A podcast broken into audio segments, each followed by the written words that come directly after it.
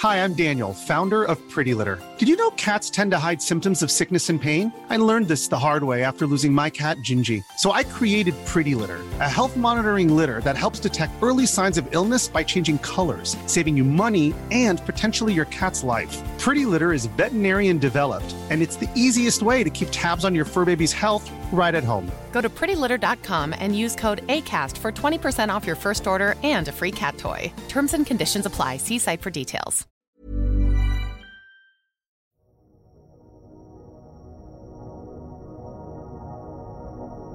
Viktor, Sverige har ju ett nytt mål.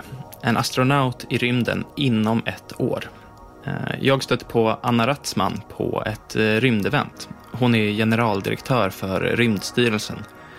Jag vet inte om man riktigt kan kalla det Sveriges NASA, men det, det känns som att det är det det är. Eh, Jag hann i alla fall ställa några korta frågor om det här. Det här blir en ESA-projektastronaut. Så det här blir liksom någonting då, om det nu blir han, som då kommer vara så det, det som vi tycker är viktigt är att det är en projektastronaut för det finns tydligt definierat i ESAs regelverk vad en projektastronaut är och hur forskningen ska göras. Och, sen så tar, ju ESA då har närsamarbete med Axiom och NASA. Så därför så känns det som att då är vi säkerställer vi att det blir bra forskning också. Väldigt högljutt. Hörde du Christer Fuglesang i bakgrunden? Nej, det hörde jag inte. I nuläget är ingenting klart om att det här faktiskt blir av. Det har skrivits på en avsiktsförklaring, men inget kontrakt. En potentiell kandidat för att bli nästa svensk i rymden, det är Marcus Wandt, reservastronaut hos ESA och eh, chef över testpiloterna på Saab och eh, JAS Gripen-pilot och så. Kul, det är kul med han eh, Marcus Wandt. Eh, dels är han ju det här, eventuellt eh, nästa svensk i rymden, men han är också känd som ny teknikläsare.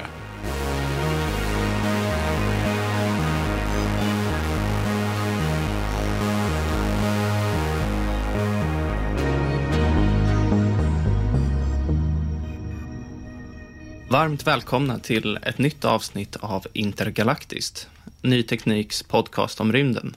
Jag heter Bill Borå, du heter Viktor Krylmark och du som lyssnar heter antagligen något annat. Det hade varit kul ifall det hade varit en armé av eh, Bills och Viktor som lyssnade, men ja, du har nog rätt, de heter nog något annat. Tveksamt, eller hur? Mm. Idag ska vi prata om lite mindre teknikiga saker. Det har ju varit mycket teknik och fysik eh, i tidigare avsnitt. Men idag ska vi gå in på lite etiska frågeställningar och diverse mer mänskliga problem som kan vara viktiga att tänka på vid en etablering i rymden. Men först så har vi också fått en liten rättelse av en lyssnare som heter Kalle. Han hörde av sig av eh, anledning för vad vi sa i ett tidigare avsnitt då vi pratade om speglar på månen. Det var i det avsnittet som vi pratade om att månen långsamt är på väg bort från oss. Just det, eh, vad uppmärksamt. Han, eh, han skriver så här. Apollo-astronauterna placerade inte ut vanliga speglar utan istället så kallade retroreflektorer. Till skillnad från vanliga speglar reflekterar dessa ljuset tillbaka till sin källa med minimal spridning.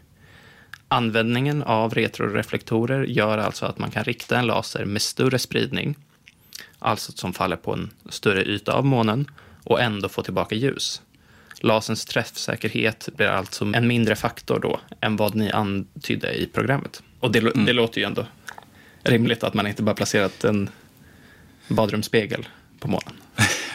Ja, men, ja, 100 procent. Men eh, det hade varit väldigt mycket roligare om det hade varit eh, någon som hade fått åka till Ikea och köpt speglar och eh, dumpat dem på månen. Men ja, det låter ju såklart superrimligt att det inte är det. Så eh, stort tack för det, Kalle. Um, och bara en uppmaning till alla ni som lyssnar. Skicka ett mejl till oss om det är något som vi säger som ni stör er för mycket på. Så tar vi gärna till oss av den kritiken.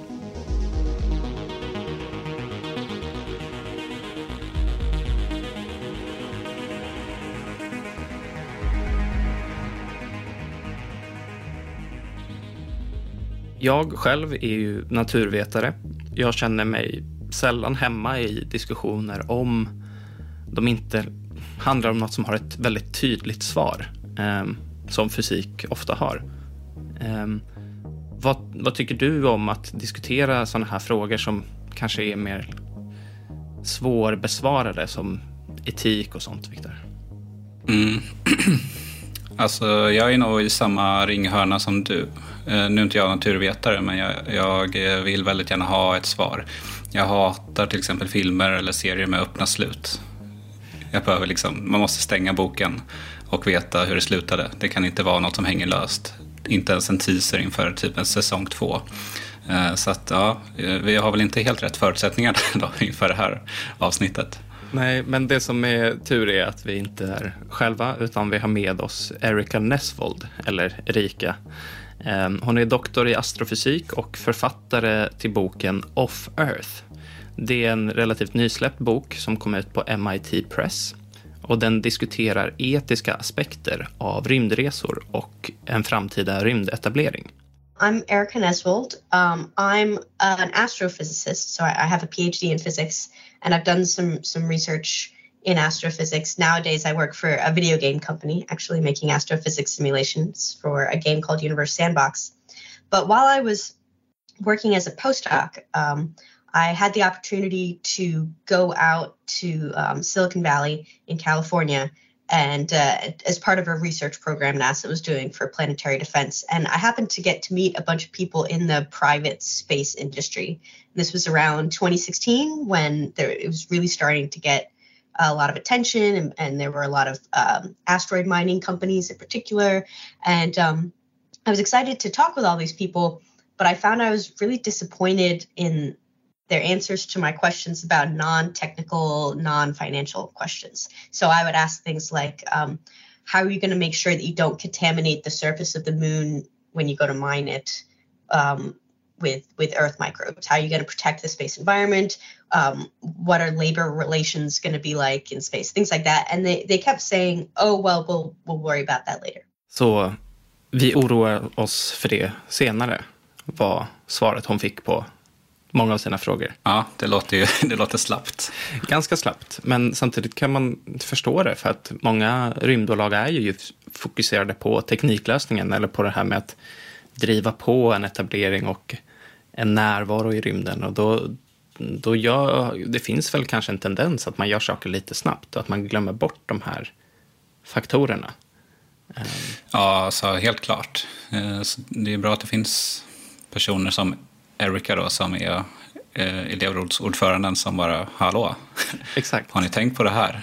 Ja, direkt så känner jag faktiskt att amen, det finns ganska mycket som behöver diskuteras inför kommande rymdkolonier och större rymduppdrag. Jag kan ju nämna att det här, de här frågorna handlar ju mycket om saker som är ganska långt in i framtiden. Vi är ju inte riktigt där att väldigt många av de här sakerna är problem. Eh, och det är ju det som hon stör sig på kanske, att det vi behöver ta det nu och inte senare. Men hon tar upp i alla fall två exempel här. Dels hur kan vi se till så att vi inte kontaminerar månen när vi börjar gräva? Rimligt.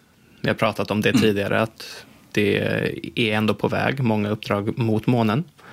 Och sen är det ju även arbetsrättsliga frågor som hon nämner. Om man tänker sig ännu längre fram så kan man tänka hur ska ett samhälle på Mars se ut? Hur ska det styras? Och så vidare. Vem ska få åka? Varför? Vad gör man om någon blir sjuk, får psykiska problem, begår ett brott, blir gravid? Det finns jättemycket saker mm. som man bara kanske inte brukar tänka på. Vi har ju snuddat lite vid det där med eh, så här, vilka lagar som, som gäller i, i rymden.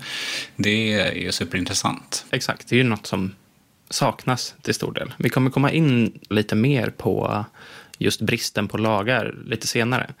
Men för att följa någon sorts kronologi så Erika accepterade inte riktigt de här tafatta svar som hon fick och började gräva lite själv i det här. Det ledde till en podcastserie som heter Making New Worlds och poddserien blev sen grunden till den här nya boken. I interviewed uh, historians, sociologists, philosophers, people like that about all the questions about ethics and human rights that we'll encounter as we try to settle space. And that's that's how I got interested in all of this to begin with. That turned into a book, and I founded a nonprofit called the Just Space Alliance that works on uh, advocating for a more ethical future in space. Hon brinner för den här frågan kan man ju säga. Eh, jobbar ganska hårt för den. Men jag blev också lite nyfiken på hur det kom sig att hon ens tog upp det här. hon var ju uppenbarligen inte ensam att träffa den här delen av rymdsektorn. Och hon är inte den enda som har en PhD i astrofysik. Varför brinner hon för det här?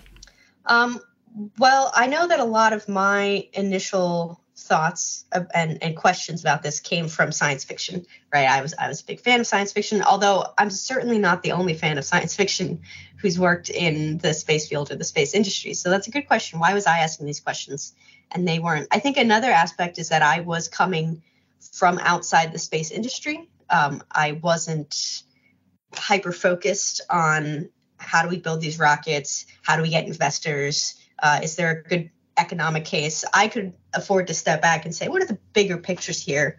What kind of sci-fi future are, are we looking at? Um, and as it turned out, I wasn't the only person asking space ethics questions. Uh, as I learned, the more I started exploring these topics and, and doing research, the more I found that there's a lot of people working on different aspects of these questions from their own backgrounds. Om du var inom astrofysiksfältet, hade du kommit på att ställa de här frågorna tror du? Nej, det hade jag inte. Um, alltså, nej, det hade jag inte. Jag uh, tänker att det är ju superbra att de gör det.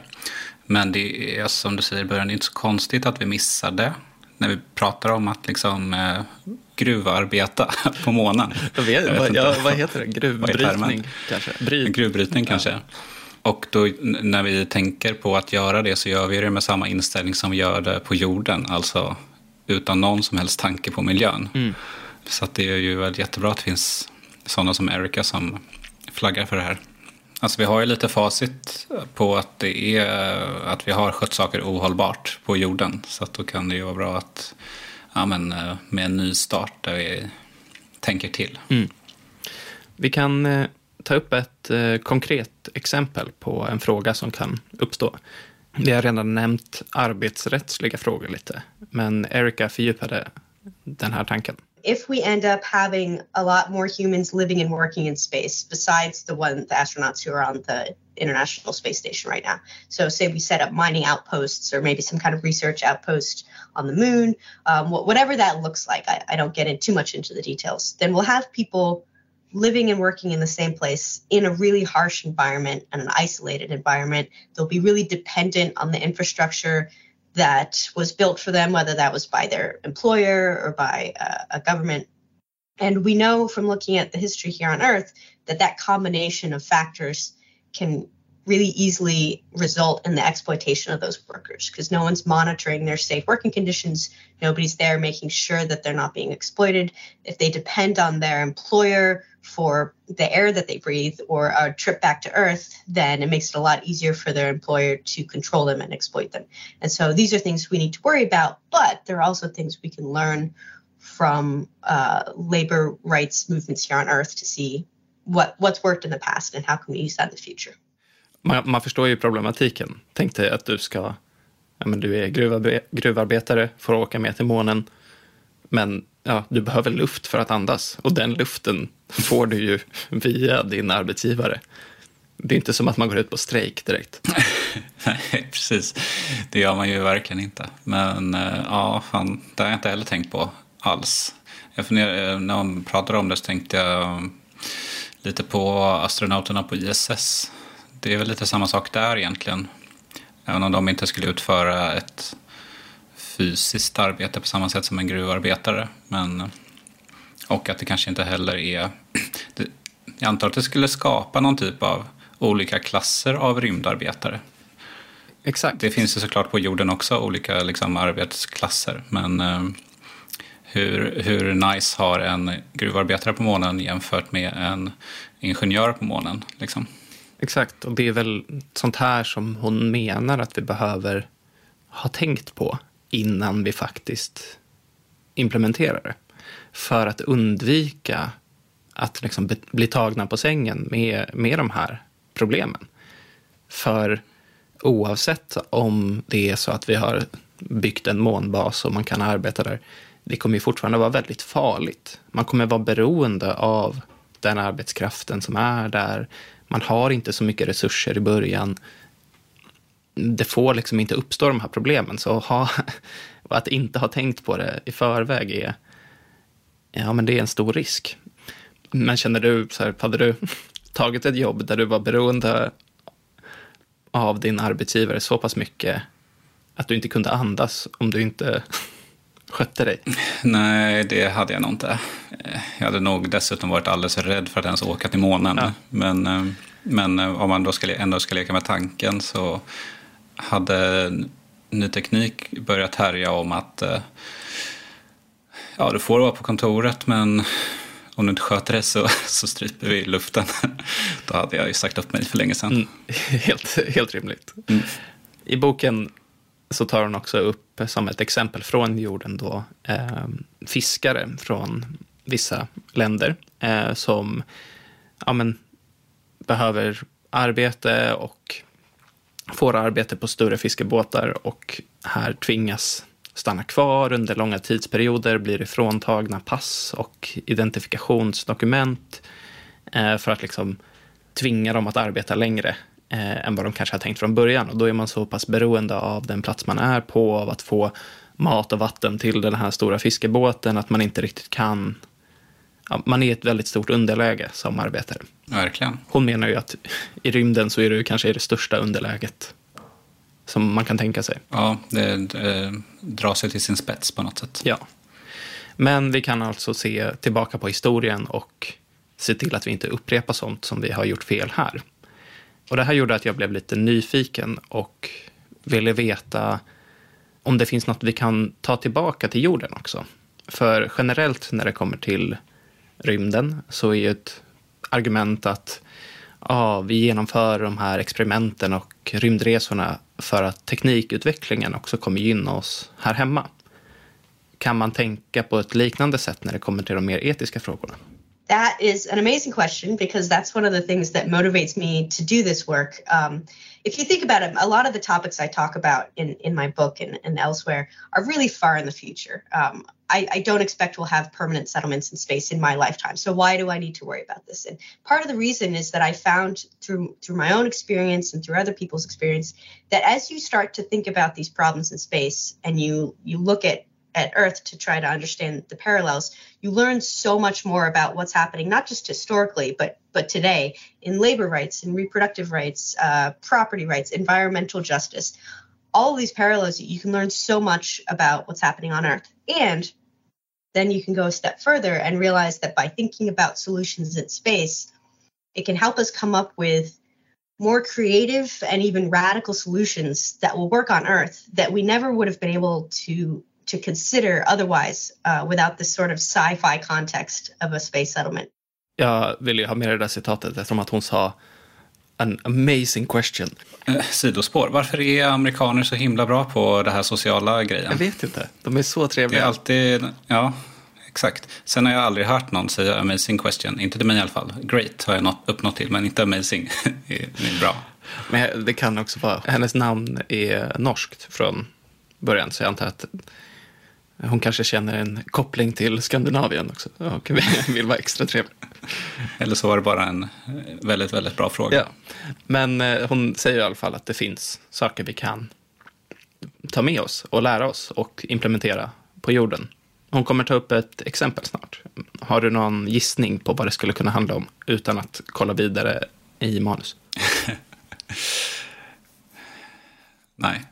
I've worked on the idea of criminal justice in space. If someone creates a crime in a space community, what do you do? Uh, are we going to build space prisons? It turns out that that's extremely impractical in space because you need the resources and the labor uh, to, to do all that. And then you have lost the labor of, of the person you're imprisoning. And then when you start looking into it, you realize how impractical and unethical prisons are on Earth in, in many cases. And that led me to talk to people, criminologists and activists who work on alternatives to the prison system. So prison prison abolitionists who say we shouldn't have prisons at all. And I would never have considered that as a feasible possibility here on Earth, especially as an American. Uh, we have a very entrenched private prison system. It's it's terrible, but it's really hard to imagine how we would get from where we are to an alternative system of justice without prisons. But there's no prisons in space right now. So we can start to imagine what if we went a different way in space, what alternatives to, could we come up with, and by imagining that, we can come up with solutions that might work on Earth. Ganska spännande tanke ändå, tycker jag. Ja, den såg jag inte komma. Nej, för det, i rymden så om man tänker sig den situationen så är det ju helt uppenbart att det är väldigt dumt. Om man åker fem personer mot någonstans och har begränsade resurser, alla har en arbetsuppgift. Om någon då begår ett brott, jag vet inte vad för brott, men att dels behöva fängsla någon, alltså det materialet, den arbetskraften och den tiden för att kanske övervaka någon som sitter i en jätteliten cell. Och den, den finns ju inte i rymden. Så, så, hur gör man? Ja, det är en väldigt bra fråga. Jag, eller amazing fråga, rättare sagt. Nej. Men um, jag funderade på, det lär finnas någon fängelsechef någonstans som tänker att det finns en affärsmöjlighet här. Att skicka fångar till, till månen för att bryta vad man nu ska bryta. Det, det känns som att det hade varit helt sjukt om man ja. liksom kunde göra det mot folks vilja i framtiden. Precis, de typ, du ska ändå sitta inne tre år, eh, du får göra det på månen. Man kanske kan gå med på det och så får man ett kortat straff eller något. Får man, undrar vad man har för, alltså inte kopplat till fängelse då, men om man åker och jobbar, vad har man för lön där uppe? Får man traktamente? ja, ja, man får månadslön. ja, förlåt.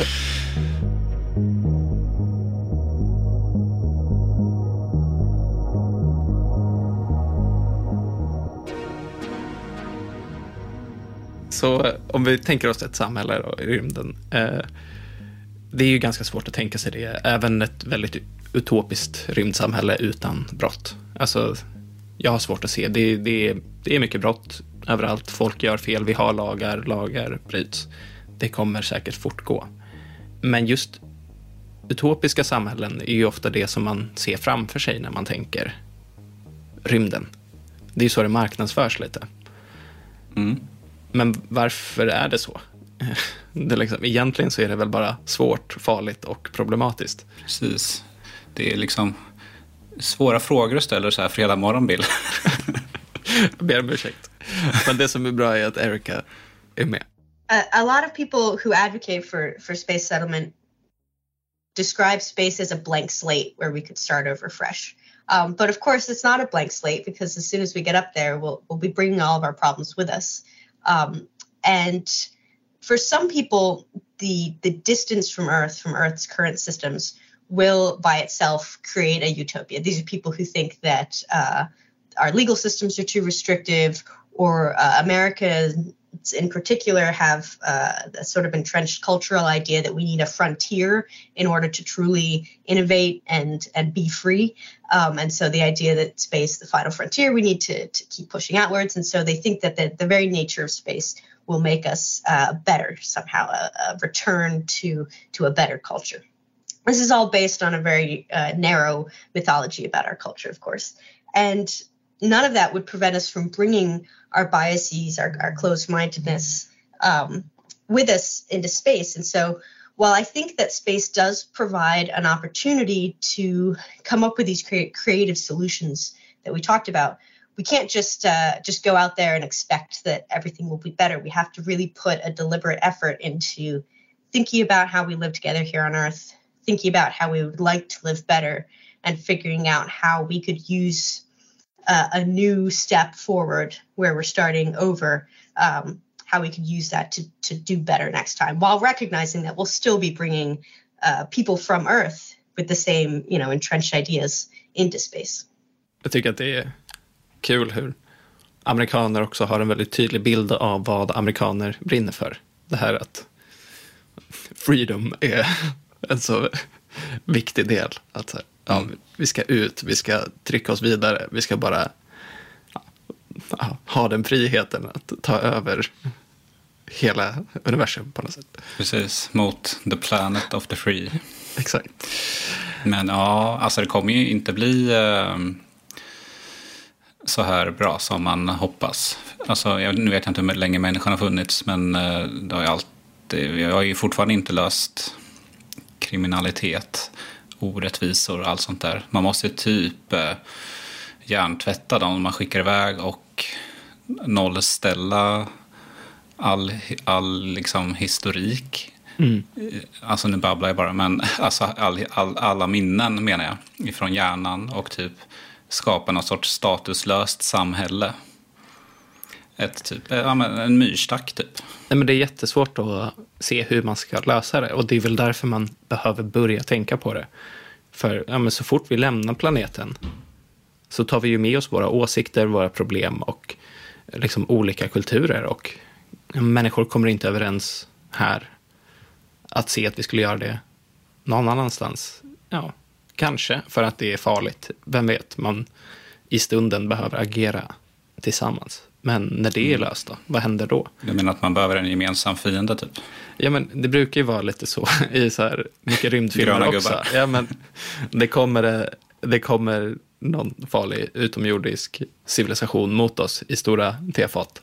Och då mm. så samlas man runt det och ja. kämpar tillbaka. Det kanske är lite samma som de som tänker här utopiska samhället tänker att ja, men på Mars så måste vi samarbeta annars dör vi. Men det här är ju också skillnad kanske på när man åker från början och sen när man väl har etablerat kolonier och man, ja, kommer Mars vara liksom en skild planet från jorden? Kommer det finnas handelsavtal eller kommer det vara privata företag som har Mars? Vad, vad, vad kommer gälla? Ingen vet. Eh, men det kanske behöver diskuteras. Men fan, fan vad tråkigt att diskutera handelsavtal med Mars. Ja, jo visst. I USA liksom. Ja. Men utöver boken Off Earth så har även Erika varit redaktör för en annan bok som heter Reclaiming Space. Och det är en samling texter som eh, diskuterar hur man kan utvidga den grupp människor som generellt har förknippats med rymdresor. Vilket skulle kunna vara ett sätt att men se till att sådana här diskussioner kommer igång lite mer. Part of what motivated us to to create Reclaiming Space, my co-editors and I, um, was that so much of the current narrative about space settlement, space colonization in particular, uh, is really dominated by by a, a, specific cultural group, and that tends to be white, Western, it tends to be men. It really tends to be uh, neo-libertarian types because they're the ones who think, oh, we're going to be able to go out there, get away from laws and regulation, strike it rich. It'll be like the Wild West. And there's so many more viewpoints in the world on how we should build a society and how we should uh, improve our future for our descendants that we wanted to bring together some of those diverse perspectives, uh, not just on space settlement, but on space exploration in general. And I find it really fascinating. I mean, this isn't just the the ethical and moral and correct thing to do to include diverse perspectives, but it's so interesting, so much more interesting and fascinating than sticking to one narrow idea of the future. I mean, this is space, right? This is this is practically science fiction. We should be able to imagine as many diverse futures as possible in order to think about which ones we would want to see. Um, and so I, I always really enjoyed these experiences. Håller du med? Ja, jag gör nog det egentligen.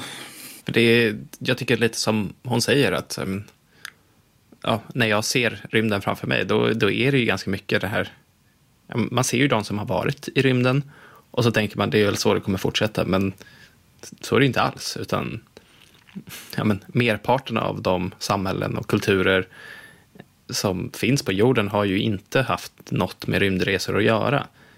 Eh, men det finns ju sätt att se på en framtid i rymden som då inte får någon plats. Eh, men de tankarna kanske är mycket bättre och hade kunnat göra någonting på ett bättre sätt. Så det är bara att öppna den, det perspektivet kan nog göra en del i de här diskussionerna. Mm, det tror jag. Um, men det är diskussionerna kring det här och allt annat egentligen grundar sig ju i frågan borde vi ens försöka och etablera oss i rymden? Man kan ju inte liksom skippa den frågan. För Erika själv framstår som ganska positiv. Eh, och den här podden, våran också, är nog också ganska positiv. Vi pratar ju om rymden, vi pratar om en månbas, vi pratar om att man kommer ta sig till Mars, man är på Mars, man, man gör både experiment men också privata bolag gör saker. Men borde vi? Ja, det var, det var inte min fråga. yeah, the question of whether we should settle space is a really important one. So important that when I when I went from the book from the podcast to the book, I, I originally had that as, as the end of the podcast. Uh, should we be doing this at all? And I moved it to, to one of the first chapters in the book because even though I, I personally think that we should someday try to live permanently in space, there are plenty of people who argue that we shouldn't either ever. Or there's a lot of people, uh, including colleagues and friends of mine, who argue that we're just not ready as a species. We need to become more mature because if we try to expand into space now, um, we're just going to end up hurting each other and the space environment. And while, while I don't completely agree with those people, in particular, I don't think we'll ever agree as a species on what, what ready means. Um, I think it's really important to have those conversations all along the way, at the beginning, throughout the process, um, because the criticisms that they make of our species are, are often valid ones, and we should figure out what exactly they're they're concerned about, what harms they can foresee us doing as we as we go into space and figure out if there is a way to mitigate them. Um, so we should keep having those conversations and and who knows, maybe they'll change my mind one day. Vad känner du? Tror du att vi är redo för liksom, en ordentlig rymdålder? Mm, nej, nej det, det, tror jag inte. Alltså, då menar hon liksom rent eh, inställningsmässigt, antar jag. Ja. Eh, för vi är ju inte redo tekniskt än. tydligt. Så sent som bara för förra veckan smällde ju Starship. Mm. Och det var väl, det skulle den väl kanske göra, det brukar ju vara som med deras tester. Men den small på fel sätt om jag fattat saken rätt. Ja. Och det är ju kronjuvelsraketen liksom. Ja, nej men både Starship, de hade ju en planerad flygning på 90 minuter och det var när den skulle separeras som det liksom, ja, man var tvungen att smälla den istället. Uh, men ja, det var lyckat enligt SpaceX. Uh, mm. Men det går ju att debattera. Men rent inställningsmässigt så tror jag inte heller vi är redo än. Bara, bara de grejerna hon har sagt här idag är ju väldigt tankeväckande tycker jag och mycket saker som inte jag har tänkt på och eh, uppenbarligen inte de som bestämmer heller inom citationstecken. Nej men exakt, det är väl det att man inte pratar om det så mycket. Och ska man då pausa in, ta det lite långsammare eller ska vi bara fortsätta gasa på och hoppas att det här löser sig under tiden? Vi har ju redan lite problem med rymdskrot i vår närrymd och det är ju för att vi är ganska snabba och vi har inte så mycket regleringar och så vidare. Eh, är det dumt att vi bara gasar på så snabbt? I think that there's a, a, spectrum between let's do it as fast as possible and let's never do it, right? And we can talk about whether certain parts of our space, our, our outreach into space, should be slowed down or at least um, regulated in such a way that we are doing every step deliberately and thinking about what we're doing. Because uh, yeah, you you brought up um, debris in Earth orbit, I think, and, and the the low Earth environment. This is a a really urgent issue in space ethics um, that people are talking about right now. Is if we're racing to put all this technology into low Earth orbit, we're damaging that environment. It's funny to think of, of environmental protection of empty space. Usually, when we think of environmental protection, we think about pandas or rainforests or whales. But um, in this case, it's, it's literally empty space. But and and it's right in our backyard. It's the very first step out into space. But if we damage it too much, if we fill it up with too much debris through our our urge to to get as much money out of orbit as possible, as much use out of it, then we're going to cut off our access to the rest of the solar system.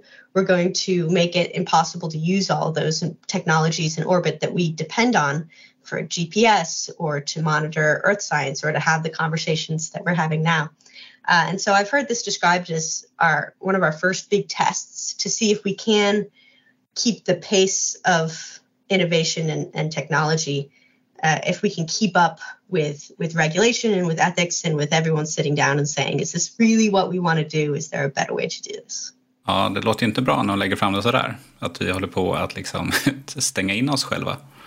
Ja, samtidigt som liksom, vi har ju pratat om det här tidigare med ja, men bland annat eh, Christer Fuglesang och han beskrev det ju som att ja, men, visst, det börjar bli ett problem på vissa sätt, men rymden är stor fortfarande. Så det är inte så mycket som man kanske ser framför sig heller. Nej, alltså sådana där illustrationer som man har sett förstår man ju är extremt överdrivna. Men eh, det finns ju ändå en grundproblematik att vi skulle kunna nå dit en dag. Liksom. Exakt. Och det här med att det kan bli den här kaskadeffekten av att en satellit krockar med rymdskrot, bildar massa mer rymdskrot, förstör mer och så blir det väldigt mycket.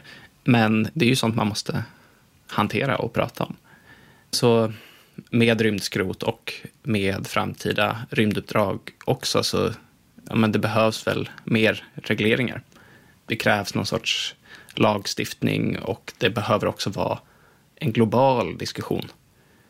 För att vi kan inte bara gå för åsikterna från ett håll på något sätt. För alla har ju, eller har alla rätt till rymden? Vem har rätt till rymden också? Det är också en fråga som man bör tänka på. Allt fler privata bolag tar också plats. Och det pratade jag och Erika också om. Att alla privata bolag, de har ju samma mål. De vill tjäna pengar, de vill ta sig till exakt samma plats. Ja. Är det den som kommer först som får göra något? Eh, hur går det till? Hur samsas man om då gruvbrytningen på månen? Det finns inte jättetydliga regler där heller. Ja, det blir lite liksom eh, den moderna upptäckargrejen. Alltså typ att förr så eh, hovade de rika länderna in mark i typ Afrika och sånt där. Mm. Koloniserade. Så nu är det liksom de rika företagen och de rika länderna som då gör samma sak fast ute i rymden. Det är ju skevt. Ja, på ett sätt så, så är det ju lite så. Och man kan också komma in då på, men en fråga vi kan ta innan vi börjar runda av. Vem är det som får åka till rymden? Det är något som tas upp ganska mycket i boken och som jag tycker generellt är intressant. För visst, alla vill inte åka till rymden, men väldigt många vill. I historien så har det varit en viss grupp människor. Nu börjar det skifta med privata rymdturister. Då börjar det bli ja, men, rika människor helt plötsligt och inte bara de här vältränade, välutbildade astronauterna. Vad är det som gäller? Vad ska gälla? Vad är den lämpligaste metoden? It's a tough question even for me of, of what's the best way to select who gets to go to space because there's so many people who want to go who, who aren't able to and there are plenty of people on earth who have zero interest in going to space um, and so it's not like we should have a lottery system uh, for, the, for the whole species that wouldn't make sense either Men hon tror alltså inte på ett lotterisystem. Det låter ändå som att det hade varit lite, uh, lite rättvisare än så som det ser ut idag. Men, men det funkar väl inte heller? För att i alla fall i början, man behöver ju vissa kompetenser. Ja, det, blir, så är det. det blir som alla jobb på något sätt. Eh, mm. Men sen har vi ju nu liksom med typ det här projektet Dear Moon, där den här jätterika japanska killen har köpt biljetter till olika kreatörer som ska få åka runt månen med Starship. Då. Just det. Och det kommer ju skjutas fram i tiden nu på grund av att det tar lite längre tid med Starship. Men det är ju bara någon som har väldigt mycket pengar. är det okej? Okay? Men samtidigt så, okay, det är ju så vi har byggt upp samhället på jorden till viss del. Men vill vi göra samma sak i rymden? Det är en fråga som behöver pratas om. Det är inte meningen att ja. bli politisk eh, åt något håll Nej. är, Nej, såklart. Men, eh, men det är ändå intressant att tänka på. Jag kommer att tänka på eh, scenen ifrån Madicken när det är någon rik snubbe i den staden där de bor som ska få flyga flygplan. Men sen så vågar han inte flyga till slut. Så då får Abbe åka istället. Så vi behöver skicka fler Abbes till rymden, tycker jag. Jag minns ingenting från Madicken. men säkert, det låter jättebra. Men överlag så skulle jag nog säga att dagens avsnitt har landat i bara fler frågor. Men de är roliga och bra att diskutera. Exakt. Det är ganska spännande att gå runt och, och tänka på. Och det var nog inte heller meningen med boken att den skulle ge svar. Yes, sometimes I describe my book as being just a book full of, of questions with no answers. Um, but I think that uh, obviously asking the questions and having the conversations in the first place is a, a super important first step. But I think that there are answers out there. I do have some hope that we're not just going to have questions forever. And in particular, I think a lot of the answers lie in history and learning historically, at the very least, learning cautionary tales of, of what hasn't worked. But also, there's so many people out there, different cultures, small communities, um, ex- experts and, and activists who do have proposed solutions to some of these problems here on Earth that would work really well in space, or at the very least, space would give us a, a chance to test these ideas. Um, and so that gives me a lot of hope too that um, this gives us an opportunity to, to really find those answers. Så det kanske inte är helt kört. Nej, det låter bra. Vi har en möjlighet. Det viktiga är väl att börja konversationen, att börja tänka på det här och att inte oroa sig för problemen när de väl uppstår. Men eh, jag tycker att vi knyter ihop säcken där och säger stort tack för att ni har lyssnat. Det går jättebra att prenumerera på den här podden och också att kontakta mig eller Viktor om ni vill lägga till något, har förslag på roliga ämnen som vi borde prata om eller bara vill säga hej. Ehm, tack för att ni lyssnar på Intergalaktiskt. Tack, tack. Hej då.